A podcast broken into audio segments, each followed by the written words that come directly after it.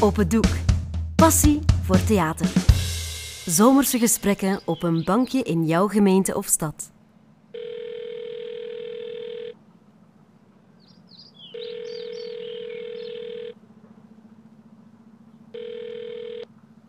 Ja, Welk ik u wakker? ik heb juist mijn derde tas koffie naar binnen. Ik ben klaar wakker. En je zit alleen?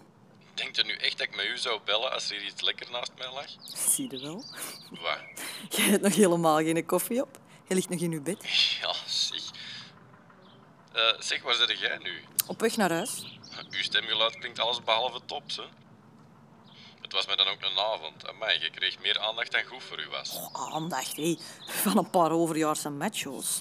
En er zit niemand op te wachten, hè. Eh, oh, zie wat je zegt, hè? Die hebben allemaal mijn leeftijd. Die een buitaard is een blaaskaak. Je beseft toch dat Buitaard drie van uw duurste werken heeft gekocht? En die gaat u trouwens ook introduceren in zijn vriendenkring. Het is en blijft een aansteller. Eh Juist als een nieuwe eigenaar, trouwens. Hoe heet die? Ah, Maurice bedoelde. Ja, die heeft er wel voor gezorgd dat we het beste tafeltje kregen. Oh, er dan heel te rond blijven cirkelen. Hey, kom aan.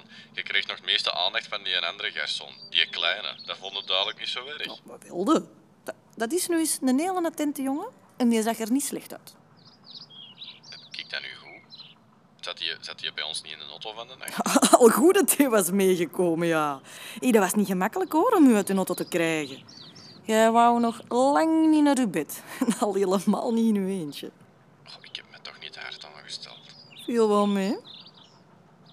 Heb je het daarna eigenlijk nog zedig gehouden met die jongen? Die was toch niet te vrijpostig, hè? Want eh, Latino's hebben een reputatie op dat vlak. Fred, stop ermee.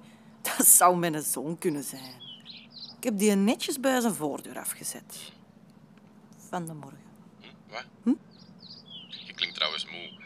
Is dat wel een goed idee dat jij helemaal naar dat godvergeten gat zit te rijden? Over een kwartiertje ben ik al thuis. Ja, je had toch ook gewoon in de stad kunnen blijven?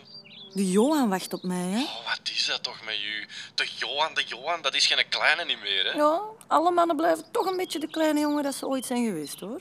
Als jij het zegt. Maar allee, even serieus. Ik snap wel echt niet waarom dat jij als een of andere kluizenaar in zo'n uithoek gaat wonen. De polder geeft mij rust. Je hebt trouwens ook al zes maanden niks niet meer geproduceerd. Ik zeg produceren, ben ik geen fabriek, hè? Nee, zo, allee, zo bedoel ik dat Ik toch ben ook met van alles nieuw bezig trouwens, dus jij moet je koppetje daar al niet over niet? Ja, breken. dat, dat hoor ik toch ook nu pas? Een andere keer, Fred, dan hoorde er alles over. Waarvoor ik dus eigenlijk bel, eh, heb jij de sleutel van het appartement nog? De sleutel van uw appartement.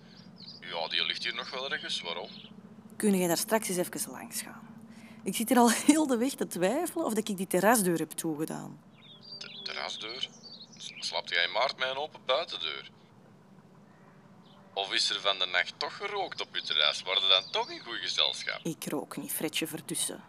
Zelfs niet in goed gezelschap. Maar ga er wel kijken dan, beloof? Ja, ja, ja, beloof. Dat komt in orde. eh, Oké, bel u nog. Dikke kus. Tada.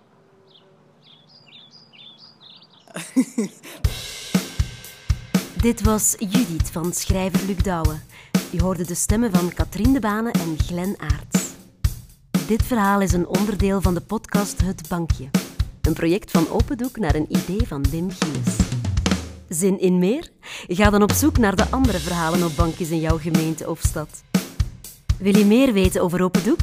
De koepelorganisatie voor het amateurtheater in Vlaanderen en Brussel? Surf dan naar www.opendoek.be.